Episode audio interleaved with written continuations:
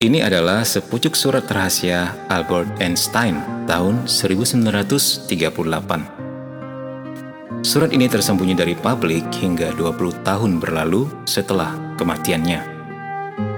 Dia pikir sisi humanitas kita belum siap untuk menerima pesannya saat itu. Apakah kita siap sekarang? Brandon Bass, founder dari The Journey Method, bercerita. Albert Einstein yang kita ketahui sebagai seorang jenius agung menulis beberapa surat pada putrinya Liesel di tahun 1938 dan berkata, Tolong simpan surat-surat ini karena saya tidak yakin manusia siap menerimanya. Akhirnya putrinya membuka surat-surat tersebut pada tahun 1980. Dan setelah saya membaca salah satu surat tersebut, kupikir ini adalah sesuatu yang persis kita butuhkan pada saat ini. Kita siap sebagai manusia setelah melalui apa yang telah kita lalui pada saat ini.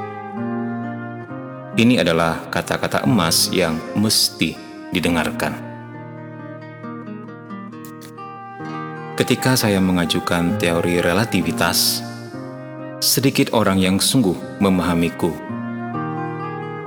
Dan apa yang akan saya nyatakan sekarang untuk diberitakan kepada seluruh manusia mesti bertabrakan dengan orang-orang yang gagal faham dan berprasangka. Aku memintamu untuk menjaga surat-surat ini sejauh diperlukan. Tahunan, dekade, hingga masyarakat dunia cukup canggih untuk menerima apa yang akan saya sampaikan. Ada sebuah kuasa ekstrim yang sampai sejauh ini tak dapat ditemukan penjelasan ilmiahnya. Sebuah kuasa yang terlibat dan mengatur segala-galanya, dan bahkan melatari pelbagai fenomena yang mengatur alam semesta, dan belum lagi dapat kita identifikasikan kuasa universal ini adalah kasih. Ketika ilmuwan mencari penyatuan teori semesta, mereka melupakan kuasa terdahsyat yang tak kasat mata ini. Kasih adalah cahaya yang menerangi mereka yang memberi dan menerimanya. Kasih adalah gravitasi, sebab setiap insan menjadi tertarik satu sama lain karenanya. Kasih adalah kekuatan, sebab dia menggandakan apa pun yang kita miliki dan memungkinkan kemanusiaan kita tidak binasa dalam kebutaan ego. Kasih itu tidak dapat disembunyikan dan mesti dinyatakan. Oleh karena kasih, kita hidup dan mati. Kasih itu Tuhan, dan Tuhan itu kasih. Kuasa ini menjelaskan segalanya dan memberi makna pada kehidupan. Kuasa ini adalah variabel yang kita acukan sejak lama. Mungkin karena kita takut terhadap kasih, karena di alam semesta kita hanya energi inilah yang belum dipelajari dan dikendalikan oleh manusia, menjadikan kasih sesuatu yang nyata. Saya membuat substitusi sederhana di rumus yang paling terkenalku. Alih-alih E sama dengan MC kuadrat, energi untuk memulihkan dunia dapat diperoleh melalui kasih dikali kecepatan cahaya kuadrat.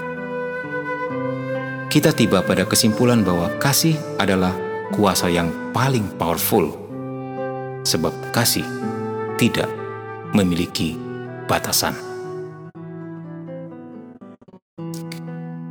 Setelah kegagalan manusia dalam penggunaan dan kontrol energi di alam semesta yang malahan berbalik melawan kita, adalah urgent bahwa kita mesti menghidupi diri kita dengan energi berbeda jika kita mau agar spesies kita tetap lestari, jika kita mau menemukan makna dalam hidup.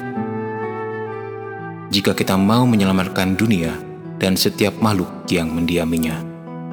Kasih adalah satu-satunya jawaban. Mungkin kita belum siap untuk menciptakan bom kasih. Sebuah perangkat yang cukup kuat untuk menghancurkan seluruh kebencian, egoisme, dan ketamakan yang menghancurkan planet. Bagaimanapun, setiap individu membawa di dalam dirinya sendiri sesuatu yang kecil namun penggerak kasih yang powerful yang energinya menunggu untuk dilepaskan.